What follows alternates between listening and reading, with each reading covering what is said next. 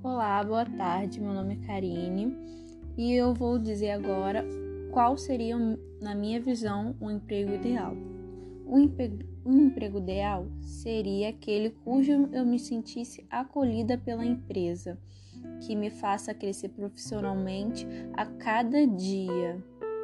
E não somente aprender com a empresa, mas também ensinar o pouco que eu sei sempre sendo simpático com o outro e compreensivo, se colocando no outro em desavenças, é, em desentendimento, sentando para conversar e tendo a maturidade para poder aprender e crescer na empresa.